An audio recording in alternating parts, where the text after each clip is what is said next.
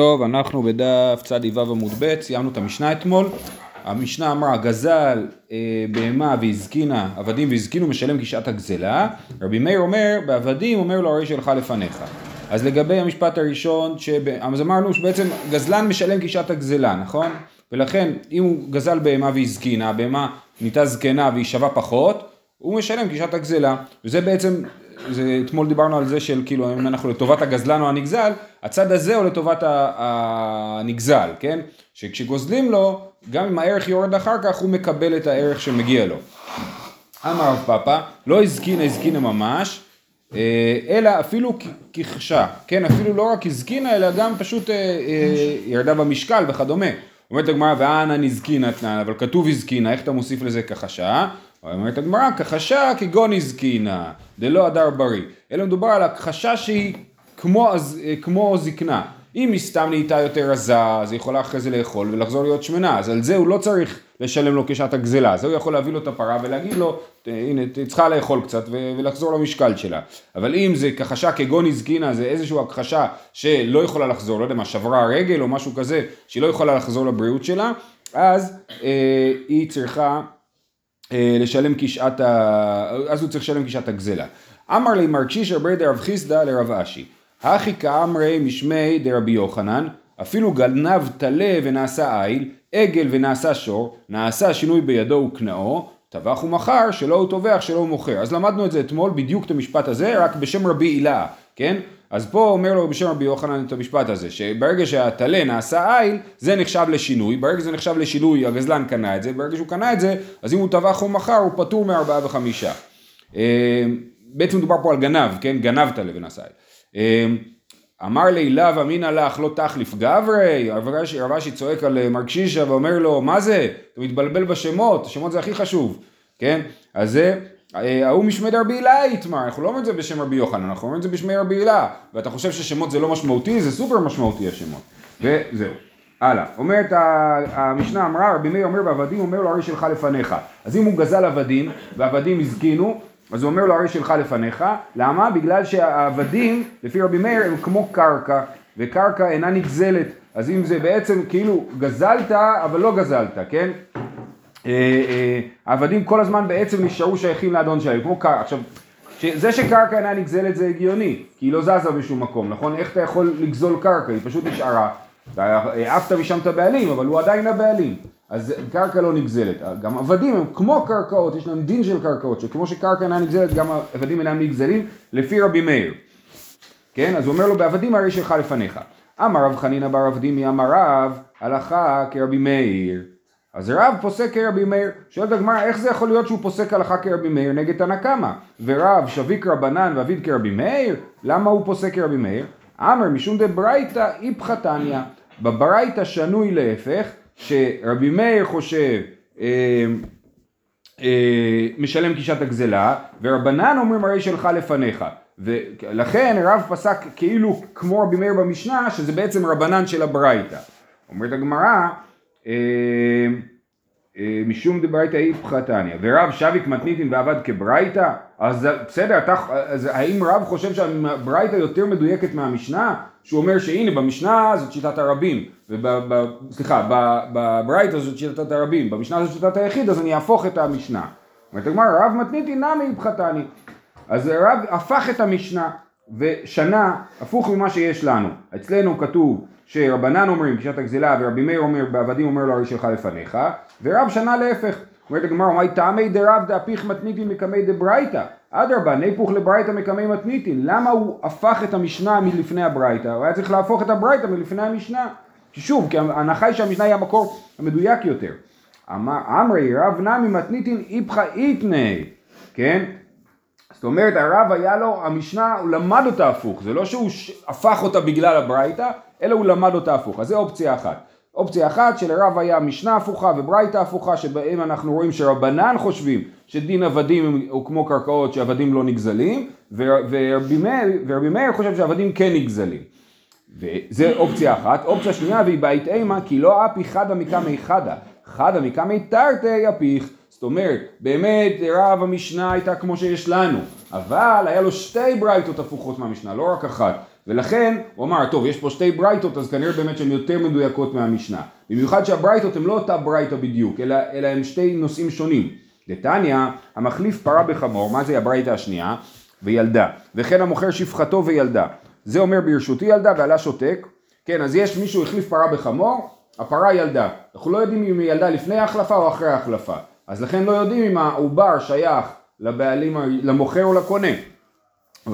כן, לבעלים הראשון או השני. אותו דבר מוכר שפחתו וילדה. אנחנו לא יודעים אם הילד שייך, העבד הקטן, שייך למוכר או לקונה. אז זה אומר ברשותי ילדה ועלה שותק, זכה בה. לא משנה אם אחד מהצדדים אומר בוודאות זה אומר ברשותי והשני שותק, אז זכה בה. זה אומר כי הוא ברי ושמע, כן ברי ושמע ברי עדיף והוא, והוא מקבל את זה. זה אומר איני יודע וזה אומר איני יודע. כל אחד אומר לא, אני לא יודע מתי היא ילדה ולכן אני לא יודע אם זה שייך לי, אז יחלוקו. זה ממון המוטל בספק ויחלוקו. זה אומר ברשותי וזה אומר ברשותי, כל אחד בטוח שזה שלו, כן? זה כמו שניים אוחזים בטיולית, זה אומר כולה שלי וזה אומר כולה שלי.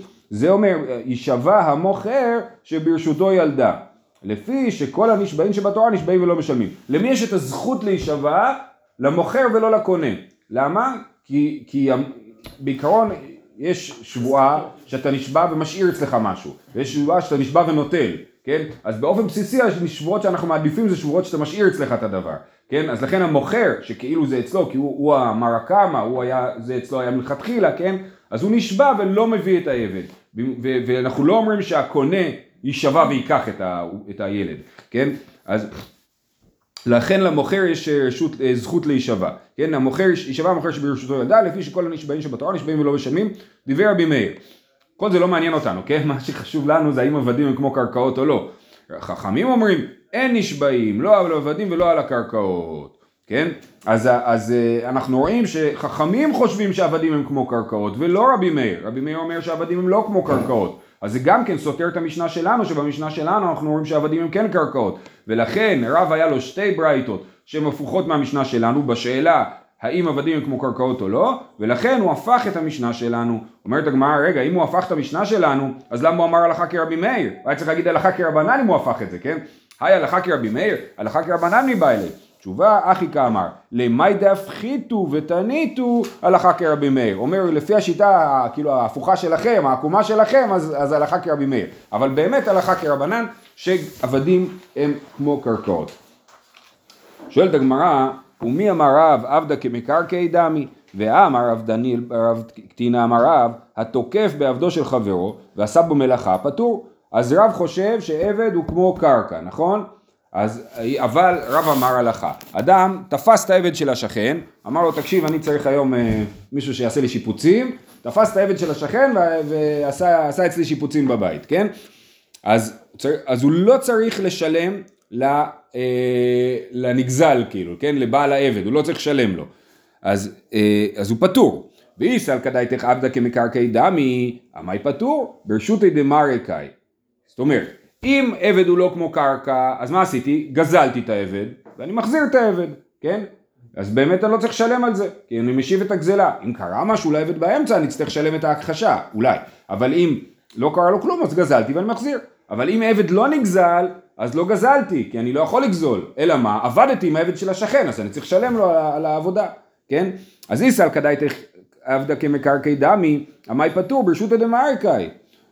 אומרת הגמרא, למה הוא פטור? רחב מעסקינן שלא בשעת מלאכה. זאת אומרת, באמת הרב חושב שעבד הוא כן כמו קרקע. אז למה הוא לא צריך לשלם לו על העבודה של העבד? בגלל שהוא לקח את העבד בזמן של המנוחת צהריים, כן? בזמן שממילא לא היה לו עבודה. אז בעצם בעל העבד לא הפסיד כלום. אם הוא לא הפסיד כלום, אני לא צריך לשלם לו על זה. זה מה שנקרא, זה נהנה וזה לא חסר. אני נהנה מזה שהעבד שלך עובד. אתה לא אכפת לך, כי ממילא לא היה לך עבודה לתת לו. אז, אה, אז לא אכפת לך. כן? לפחות, זה לא אומר שמותר, זה לא אומר שמותר לעשות את זה, אבל, אבל לא צריך לשלם על זה, כן? אמ, כי עד אשלח לרבי אבא למרי בר מר, בא הנה מרב הונא, הדר בחצר חברו שלא מדעתו, צריך להעלות לו שכר, או אין צריך להעלות לו שכר. אז מי שזה נשמע לו מוכר, כי למדנו את זה לפני כמה פרקים, וגם יהיה לנו עוד פעם סוגיה כזאת בפרק איזה הוא נשק בבבא מציע. אז הדר בחצר חברו שלא מדעתו, צריך להעלות לו שכר, או אין צריך להעלות לו שכר. ו, אה, והסברנו את זה שמדובר על חצר דלא קיימא לאגרא, חצר שלא עומדת להשכרה, כן? אז, אז ו, ושלחו לי, אינו צריך לעלות לו שכר. אז מי שנכנס לחצר שלא עומדת להשכרה, ושם שם את הדברים שלו או משהו כזה, הוא לא צריך לשלם לבעל החצר. שוב, זה לא מותר, אבל זה, זה כמו הנכסים הנטושים, כן? משתלטים על איזה נכס נטוש, לא עומד להשכרה, אז לא צריך לעלות שכר. אז, אה, אז אותו דבר עם העבד. העבד היה בזמן שהוא לא עובד, לקח אותו השכן ועבד בו, אז אה, אה, לא צריך להעלות לו שכר. יש איזה קטע דרך אגב בעירייה, כן. בירושלים, שבניינים נטושים, שהעירייה לוקחת על זה אחריות עד ש... עד שיעשו את זה משהו, כן. ואז אנשים עושים שם עסקים. עושים שם כל. מיני דברים, בלי שכירות, וואלה, כן. יש, אה, כן. לי חבר בקרן היסוד, יש לו כן. פתח מסעדה ככה. אז באותו בניין, כן? באותו בניין יש לי חבר שפתח אה, בית מדרש אה, עברי, משהו. העניין הזה שם הנטוש. הנטוש, כן. כן. העירייה נותנת לאנשים לפתוח עסקים שם? היא מעדיפה שהבניין לא יהיה נטוש. לא כן. כן, כן. כן. יש בזה... ובכן, אז אומרת הגמרא, אחי אשתא בישלמה אטם, בין למאן דאמר ביתא מיית ויתיב ניחא ליה, בין למאן דאמר ושיה יוקת שער ניחא ליה. הרי בסוגיה שם הסברנו שלמה אה, אה, מי שחדר בחצר חברו שלו מדעתו לא צריך לעלות לו שכר, בדיוק מה שאמרנו השנייה, שאנחנו לא רוצים שבניינים יהיו נטושים. או בגלל שבית המיית ויתיב, בית מיושב הוא יושב, הוא מחזיק מעמד, אבל אם הבית נטוש הוא לא מחזיק מעמד, או שי היו קצ'ר, יש את השד הזה של ה... שאוהב את השממה והוא נמצא שם. אז שמה, למה הדר בחצר חברו שלו מדעתו לא צריך לעלות לו שכר? כי יש לבעל החצר בסופו של דבר נוח אינטרס והנאה מזה שגרים שם. אז אתה אתה לא יכול להגיד לי גם, גם תשלם לי על זה, כן? כי זה לא עומד לשכר. אבל בעבד אין לך סברה כזאתי, אז ממילא הוא כן צריך לשלם על זה שהוא משתמש בעבד. אלא אחא מניחא לידי ניחוש עבדי, לא נוח לו שהעבד עובד. זה קלוריות, שמי ישלם את הקלוריות האלה? נעיף אותו. אמרי אחי נמי ניחא ליה דלא ליסטרי עבדי. טוב לו שהעבד לא נח, כי עבד שנח זה עבד שהוא לומד להיות עצלן ולא ירצה לעבוד מחר. טוב לאדון, שזה כמו פרעה, נכון? טוב לעבד שהוא יעבוד, ולכן אה, אה, גם פה יש הנאה לבעל העבד מזה שאני עבדתי את העבד בעבודה אחרת. שוב, שזה לא, ולא, ולא דפקתי אותו, כי זה לא בזמן שהוא היה צריך לעבוד ממילא. ברב יוסף בר חמא אבו תקיף עבדי דאינשי דמסיק באו זוזי ועבד באו מלאכה. כן, אז הרב יוסף בר חמא היה מלווה כסף לאנשים, והם לא היו מחזירים לו, מה הוא היה עושה? היה לוקח את העבד ועושה איתו מלאכה. אמר לי רבא ברי, צריך לגרוס פה רבא, רבא המפורסם הוא הבן של הרב יוסף בר חמא, אה, מה איתה מעביד מרחי? למה, הוא שואל את אבא שלו, הוא שואל אותו בלשון כבוד, כן? הוא שואל אותו למה אתה עושה ככה? אמר לי דאמר רב נחמן, עבדה נאום קרסי לא שבי. אז רב נחמן אומר שהעבד לא שווה את האוכל שהוא אוכל, כן? אז הוא אומר לו, אני מפסיד על זה שהם עובדים אצלי, כי, אה, כי אני גם מאכיל אותם, כן? אז אין לי שום רווח בעניין, ולבעלים גם אין שום אה, אה, הפסד מהעניין. אמר לי, "אמ- אמא דאמר רב נחמן כגון דרו עבדי דמרקי בקובי. רב נחמן לא אמר את זה שכל העבדים לא שווים את האוכל שהם אוכלים. היה לו ספציפית עבד אחד שקראו לו דרו, והוא היה ליצן, כל הזמן רוקד בין החביות, כן, מרקיד בין בעיכובי, כל הזמן בבית מרזח, אז הוא לא שווה את האוכל שהוא אוכל, הוא סתם שיכור, כן, אבל כולו עבדי מעבד עבדי, כן, כל העבדים האחרים, בוודאי שהם עובדים, ולכן הטענה שלך, שאתה מפסיד בזה שאתה לוקח את העבד, היא לא נכונה. אמר לי, אז אבא שלו עונה לו, אנא כרב דניאל סביר לי, דאמר רב דניאל ברב, קטינה אמר רב, התוקף בעבדו של חברו ועשה בו מלאכה פטור. עלמא ניחא ליה דלא ליסטרי עבדי, כמו כל המהלך שעשינו מקודם, כן? סימן שלבעלים שווה שאני אחזיק אותו, והוא מרוצה מזה. כמו שאמר רב, שפטור מלשלם. אמר לי, אני מילי דלא מסיק בו זוזי. מר, כיוון דמסיק בו זוזי, מחזי כריבית. אומר, פה זה סיפור אחר לגמרי. זה נכון שמי שתוקף עבדו של חברו פטור מלשלם לו, אבל אתה הלווית להם כסף, וזה נראה כמו ריבית, זה לא ריבית באמת, כי באמת אין לזה ערך כלכלי, כי אני יכול לעשות, כי אתה לא, לא צריך לשלם על זה, כן? אז אין לזה באמת ערך כלכלי, אבל זה נראה כמו ריבית, ולכן זה אסור. ותוספות מיד מקשים קושייה ואומרים, מה, יוצא לפי זה, שמי שהלווה לחבר שלו, זהו, אסור לו לעשות לו שום טובות, הלווה לא יכול לעשות שום טובות למלווה בגלל ש... זה, זה נראה כמו ריבית, אז תוספות דן בשאלה הזאת, כן? אבל זה ממילא, אז זה באמת עולה פה, כי אנחנו אומרים ביחסים נורמליים בין שני אנשים, מותר לו לקחת, לא מותר, אם הוא לקח את העבד הוא פטור מלשלם, ופתאום אם הוא מלווה לו הוא כבר לא יכול לעשות את זה, אז, אז זה, זה פוגע כאילו בנורמליות של היחסים. אה, התוקף עבודות של חברו עשה מלאכה פטור. על מניחא לידו הסתירה ואמר לי אני מליחי איך דלא מעסיק בזוזו. אמר כיוון דמעסיק בזוזו מחזי כריבית והוא מוכיח את דבריו. רבא מוכיח את הטענה שלו. דאמר רב יוסף בר מניומי אמר רב נחמן אף על פי שאמור הדר בחצר חברו שלא מדעתו אין צריך להעלות לו שכר הלווהו ודר בחצר חברו צריך להעלות לו שכר. כן? אז הנה אנחנו רואים שברגע שיש הלוואה זה משנה את מערכת היחסים. אמר לי הדרבי אז האבא של רבא הודה לבנו וחזר בו והוא לא, יותר, לא ייקח יותר עבדים של אנשים. זהו. איתמר התוקף ספינתו של חברו ועשה בה מלאכה אני גוזל ספינה כן?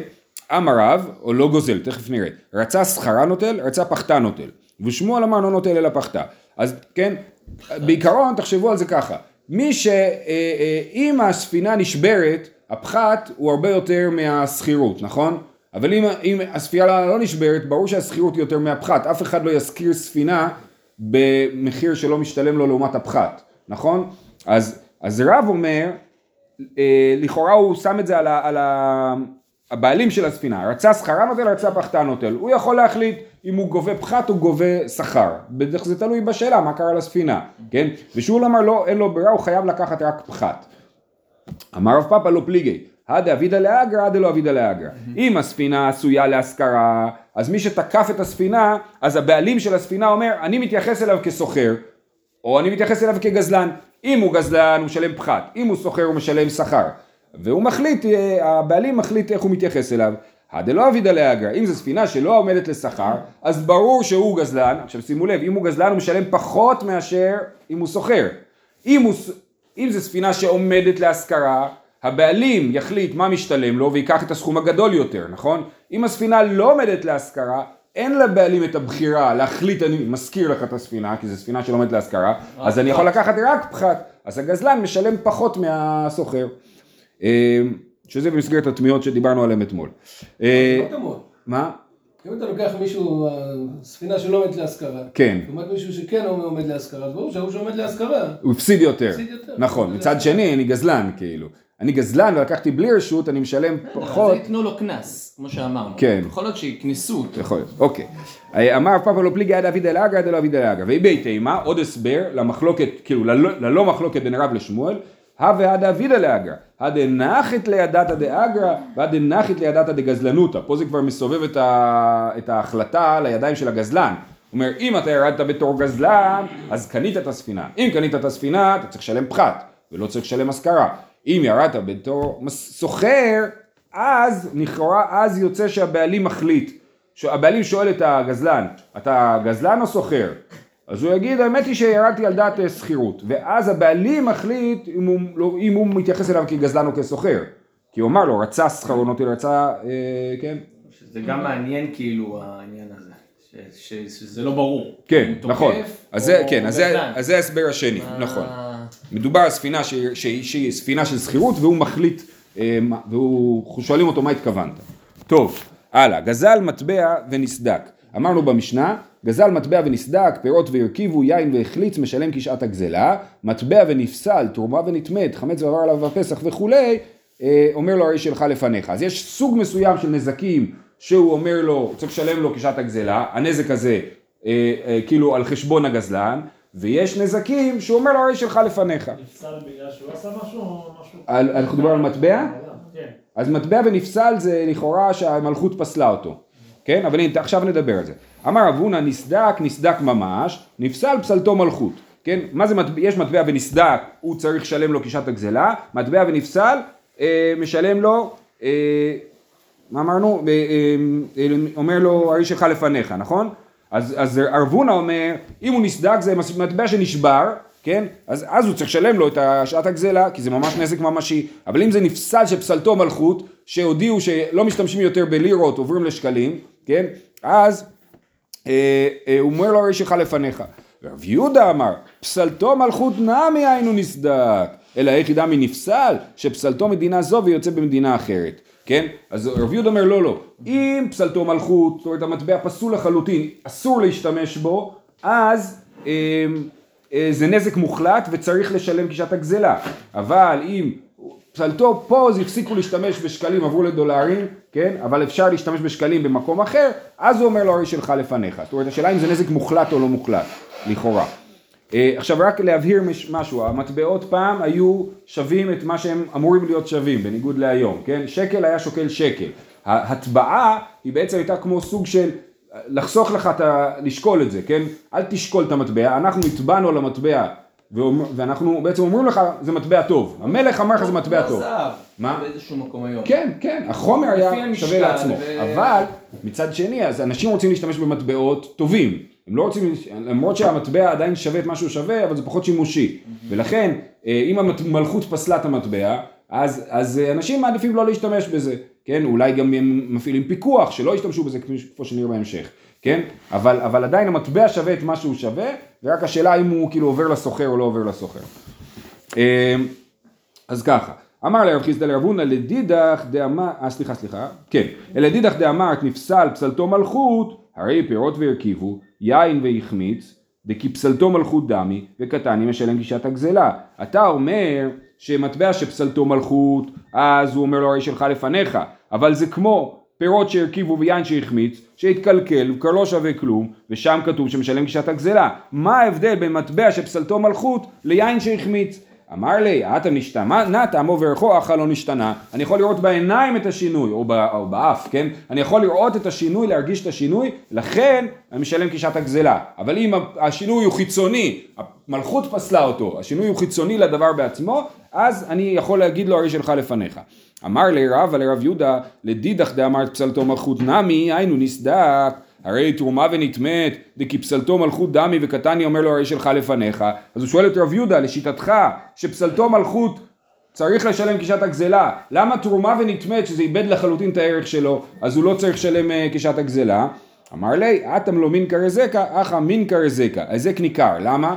כי תרומה ונטמאת זה תפוח יפהפה, אלא מה נגע בו מישהו טמא, נכון? לא רואים שום הבדל על התפוח. אבל במטבע כולם יודעים שהמט... שהשקל הזה כבר לא עובד, כן? זה, רואים את זה, רואים, מסתכלים על המטבע, אומרים, אה חבל, זה המטבע של אתמול, זה לא המטבע של היום, כן? מה זה? יודעים לא, שהיא לא, טמאה. יודעים שהיא טמאה, אבל לא טמאה. רואים שהיא טמאה, לא רואים כלום. זה אותו תפוח, הוא יפה, הוא מקסים, כן? הוא רק טמא, נגע בו מישהו טמא. המטבע, כל, כל מי שמסתכל עליו יודע שהוא, שהוא לא טוב. התרומה, רק מי שטימא אותו יודע שהוא, שהיא טמאה, כן? אה, אומר לו, אמר לי, אתם לא מין קרזקה, אך המין קרזקה, ההזק ניכר. טוב, עכשיו אנחנו מגיעים לענייני הלוואות. איתמר, המלווה את חברו על המטבע ונפסלה המטבע. מה קורה אם אני מלווה לשכן שלי אלף דולר, ואז עברו מדולרים לשיטה חדשה, כן? לא נראה שזה יקרה. אבל... אה, אה, אז עוברים משקלים לשקלים חדשים, כן? היה שקל, נכון, היה שקל, עברו לשקל חדש, בשנת 85, נכון? אה, אה, אז אה, מלווה את חברו על המטבע ונפסלה המטבע. רבא, מה נותן לו מטבע יוצא באותה שעה? הלוויתי לך אלף שקל, תחזיר לי אלף שקל חדש. ושמואל אמר, יכול לומר לו, לך הוציאו במישן. אה, במישן עדיין מקבלים את השקלים הישנים. אז לך תשתמש בזה שמה. אז הוא מביא לו את האלף שקלים ישנים, והוא יצטרך למצוא מה לעשות עם זה. שוב, בתנאי שמשתמשים בזה איפשהו. אמר רב נחמן מסתברא מילתא דשמואל דאית לאורחא למייזה למישן אבל לית לאורחי לא. רב נחמן אומר שמואל צודק רק במקרה שיהודי ממילא צריך ללכת למישן אז הוא מה אכפת לך? קח את האלף שקלים ישנים תלך אותם למישן. או כמו אלה כן אני נוסע לארה"ב צריך דולרים נכון? אבל אז, אז, אבל אם הוא לא נוסע למישן, איך אתה יכול להגיד למלווה לך תיסע למישן? אני לא מגיע למישן, זה רחוק ואין לי שום דבר לחפש שם. אז אתה לא יכול להביא לי מטבעות שהם לא טובים פה, כן? אז יוצא שלכאורה שמואל מודה לרב, לפי רב נחמן, כן? שמואל מודה לרב אם הוא לא הולך למישן. אה, הייתי וירבה לרב נחמן, אין מחללין על המעות שאינם יוצאות. כיצד? היו לו מעות כוזביות, ירושלמיות, או של מלכים הראשונים, אין מחללים. השל האחרונים, דומד הראשונים, מחללים. אז יש לנו מעשר שני, מעשר שני מחללים אותו על כסף, צריך לחלל אותו על כסף שהוא כסף שהוא טוב, כסף שהוא עובר לסוחר, כן? אז מעות כוזביות זה מעות של בר כוכבא, כן? זה מעניין, כי לא ידעו, כן? רק כשהגיעו לארץ ועשו חפירות ארכיאולוג... ארכיאולוגיות, מצאו מטבעות של בר כוכבא באמת, כן? אז זה, אבל בגמרא כבר מספרים שיש את זה בתוספתא, כן? הכל נמצא בתורה. הכל נמצא בתורה, כן. כל מה שהארכיאולוגים מוצאים, אנחנו ידענו קודם. אין מח... אז אין מחללין, אז מעות כוסביות ירושלמיות זה מעות כמובן שהמלכות אסרה להשתמש במעות של בר כוכבא. מעות ירושלמיות אולי זה מעות של המרד הגדול של שנת 70 לספירה. אמ, או של מלכים הראשונים, אין מחללים, כי הן לא יוצאות בכלל. השל מלכים אחרונים דומיה דראשונים מחללים. זאת אומרת, אם זה לא מעות של מלכים ראשונים, אלא מעות של מלכים אחרונים, למרות שהם לא יוצאים, יוצאות, מותר לחלל עליהם. אז זה קשה על רב נחמן שאמר שאי אפשר, ש, שהוא לא יכול להביא לו כסף של מישן, אלא אם כן הוא הולך למישן. אמר לי, אחאב מעסקינן, כשאין מלכויות מקפידות זו על זו. אם המלכויות לא מקפידות זו על זו, אז מותר להשתמש גם בכסף פסול כאילו, כן? כי לא אכפת להם. אבל, במקום, אבל שמואל מדבר בסיטואציה של מלכויות מקפידות זו על זו. אלא כי אמר שמואל, כשמלכויות מקפידות זו על זו, אז איך אימצי ממתי לו? אם המלכויות מקפידות, איך אני יכול לקחת כסף של מישן וללכת למישן? יבדקו לי במכס בתיקים אם יש לי כסף של מישן או לא, והמלכויות מקפידות. אומרת הגמרא, דממתי לה על ידי הדחק, דלא בחשי ואם ישכחי כפדי. אז המכס במסלול הירוק, כן? זה, אה, אה, המלכויות מקפידות, אבל לא מקפידות מאוד. אני הולך עם כסף של מישן, אף אחד לא יחפש לי בתיקים. אה, אבל אם ימצאו לי בתיק, בגלל שפתחו לי אותו, בגלל שנסעתי מהר מדי, כן? אז הם, אה, הם אה, כן יפסלו לי את הכסף הזה. אז לסיכום, עד כאן.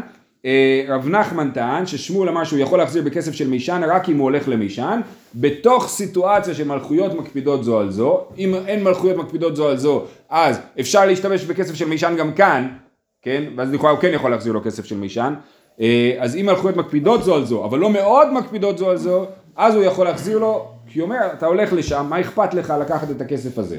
כן? אבל אם הוא אכפת לו, כי מלכויות מקפידות ויבדקו לו בתיקים, אז הוא לא יכול להכריח אותו להחזיק את הכסף הזה. אה, תשמע, אין מחללין על מעות של כאן והן בבבל ושל בבל והן כאן. אז כאן זה ירושלים, כן? אז אם אנחנו נמצאים בירושלים, לא, אם אנחנו נמצאים עכשיו בבבל, לא ברור למה שיהיה לי אה, פירות של מעשר שני בבבל, אבל יש לי פירות של מעשר שני בבבל, אני מחלל אותם על כסף, אני לא יכול לחלל על מעות של ירושלים בבבל, ולא יכול לחלל בירושלים על מעות של בבל, כן? אין מחללים מעות של כאן ואין בבבל, ושל בבל ואין כאן. של בבל ואין בבבל, מחללים. אפשר בבבל להחליף על כסף של בבל. קטני מיד, אין מחללים על מעות של כאן ואין בבבל. אף על גב דסופו למייסק לאט, הרי ברור מה הוא יעשה עם הכסף של מעשר שני, הוא יעלה איתו לירושלים, אז וכתוב שלא מחללים מעות של בבל על כסף ירושלמי, למרות שיש לו דרך ללכת לירושלים, סימן שאפילו כשהוא הולך לשם אסור לו לחלל את זה על הכסף הזה. אה, תשובה, חמה עסקינן, כשמלכויות מקפידות זו על זו, אה, מקפידות זו על זו לגמרי, כן? יחי של בבל ואין בבבל, למה יחזו, כן? רגע, אז אם הוא מחליף, אם מלכויות מקפידות זו על זו, זה אומר שהוא גם לא יכול להעביר, כן? זה אומר שכל מלכות עושה את ה-change point שלה, בדיוק בגבול, נכון? הם מקפידים על זה במעבר כנראה, או משהו כזה. אז אם הם פוחדים, אני רק מנסה להבין, הם פוחדים, הרי אם הם, המדינה לא מרשה להשתמש בכסף אחר, אז מה זה נכון. אכפת לה להכניס את הכסף? היא חוששת שאם הוא אני לא יודע אם התפיסה הכלכלית לא, היא לא, כזאת. בגלל שכאילו זה משקל של הכסף, אז זה לא משנה. לא, זה פשוט לא שמיש כאן. הכסף הזה לא שם, אם תוציא את זה מהכיס פה, אתה לא יכול להשתמש בזה, סוחר לא יסכים לקבל את זה. מעולה. אוקיי. אז למה המדינה צריכה, ל- למה היא כועסת עליך שאתה הבאת את זה? מה אכפת לה? אה, כן. לא, אולי אולי היא לא רוצה שיוציאו כסף של בבל לארץ ישראל. כי אתה תוציא כסף של בבל, אז יהיה פחות כסף בבבל. אה, אתה אומר בהיבט הזה. אני שוב, אני לא יודע איזה תפיסה כלכלית יש פה, כן? בכל אופן, אז אנחנו אומרים ככה, אתה לא יכול להחליף בבבל על כסף של ארץ ישראל, כי מלכויות מקפידות זו על זו, אתה לא יכול להגיע עם זה לארץ ישראל. אתה לא יכול, אז שואלת הגמרא, רגע, אבל גם כסף של בבל על בבל אתה לא יכול, כי אתה לא יכול להגיע עם זה לארץ ישראל באותה מידה, כן? אז מה תעשה עם זה? אי אחי של בבל ומבל למאי חזו? תשובה חזו דזבין באו בהמה או מסיק לירושלים? איך תיקח את הכסף לירושלים? תחליף, את ה, יש לך פירות, תחליף את הפירות על כסף, את הכסף תחליף על בהמה, ואז אה, תלך עם זה לירושלים. אה, זה מסתבך עם כל מיני סוגיות במעשר שני שלא לא לגמרי מסתדרות, אבל לא יודע. ו- ואת תענה, אוקיי, עכשיו לגבי החלק השני שאמרנו, שאי אפשר בירושלים להחליף על כסף בבלי. נכון? למה לא? והתניא התקינו שיהיו המעות יוצאות בירושלים מפני כך. תקנו שבשביל שלא יהיה עיכובים בקניית הקורבנות וכולי ובתשלום השקלים, התקינו שתמיד יהיה כסף מכל הסוגים בירושלים, שיוכלו להחליף לכולם. אז מה פתאום אתה אומר שאי אפשר להחליף כסף של אה, אה, בבל בירושלים? אמר רבי זרע לא קשיא, כאן בזמן שיד ישראל תקיפה על האומות העולם, כאן בזמן שיד האומות העולם תקיפה על עצמן, על עצמן זה על ישראל. אז אם יד האומות העולם תקיפה על ישראל, אז בעצם ישראל לא מצליחים לעשות את זה. אם הם נמצאים במצב שהם מסוגלים לעמוד בזה, אז רוצים שיהיה לנו את הדבר הזה, אבל אם... אנחנו- באמריקה מעקל חשבון של מישהו בארץ, תופס כן, וואי, וואי. לא. כן, לגמרי. אה, אה, אז זה נכון. זה סימן שיד ישראל תקיפה על ישראל. טוב, אז, אה, אז אני רק רוצה לסכם לגבי אה, הלוואה, כן? לכאורה פה בסוגיה משמע שאפשר להשתמש במטבע, זאת אומרת המחלוקת בין רב ושמואל זה שרב אומר שצריך לשלם את הכסף החדש ושמואל מתיר להשתמש בכסף הישן במקרה שאני הולך למישן. משמע ששמואל לא חושב שיש איסור להשתמש בכסף החדש, הוא רק אומר מותר ללווה להחזיר בכסף הישן. זאת אומרת אין פה בעיה של ריבית. הייתי יכול לחשוב ששמואל אומר אסור להשתמש בכסף החדש, כי זה ריבית, אין לנו את אותו ערך. אבל הוא אומר לא, מותר להשתמש בכסף הישן. עכשיו, שכחתי לומר, הדבר הזה, המחלוקת של רב ושמואל, כן, אה, על מלווה את חברו על המטבע ונפסלה, באמת רש"י מסביר אותו אה, דווקא בסחורה. אני מלווה סחורה והוא מחזיר לי כסף, כן? זאת אומרת, אני מלווה לך חמש קילו עגבניות, אבל מראש אני אומר לך, חמש קילו עגבניות האלה שוות כך וכך, עכשיו אתה חייב לי כסף. כמו, בעצם זה דומה לקנייה בהקפה בחנות, כן? על זה הם מתווכחים, כי שם באמת יש פחות עניין של ריבית, כי זה דומה, זה קניין, אז יש פחות עניין של ריבית, לכן זה מותר. אבל רש"י כותב, אה, דווקא הלווהו פרקמטיה, אבל הלווהו מעות, עת שהלווהו משלם לו, כי אז באמת יש בעיה של ריבית. תוספות חולק על רש"י פה, אני לא ברור לי בדיוק מה הם אומרים, אבל הם חושבים שמדובר גם על הלוואות רגילות, ואז זה באמת יוצא מעניין, האם אני, מישהו מלווה לי שקלים והשתנה הערך של השקל, האם אני יכול לשלם לו, איך אני יכול לשלם לו, בשקל הישן, בשקל החדש, אולי הבנק יצר איזשהו שער חלופין ואני אצטרך להשתמש בשער החלופין שהם אה, יצרו. זהו, שיהיה לכולם יום טוב.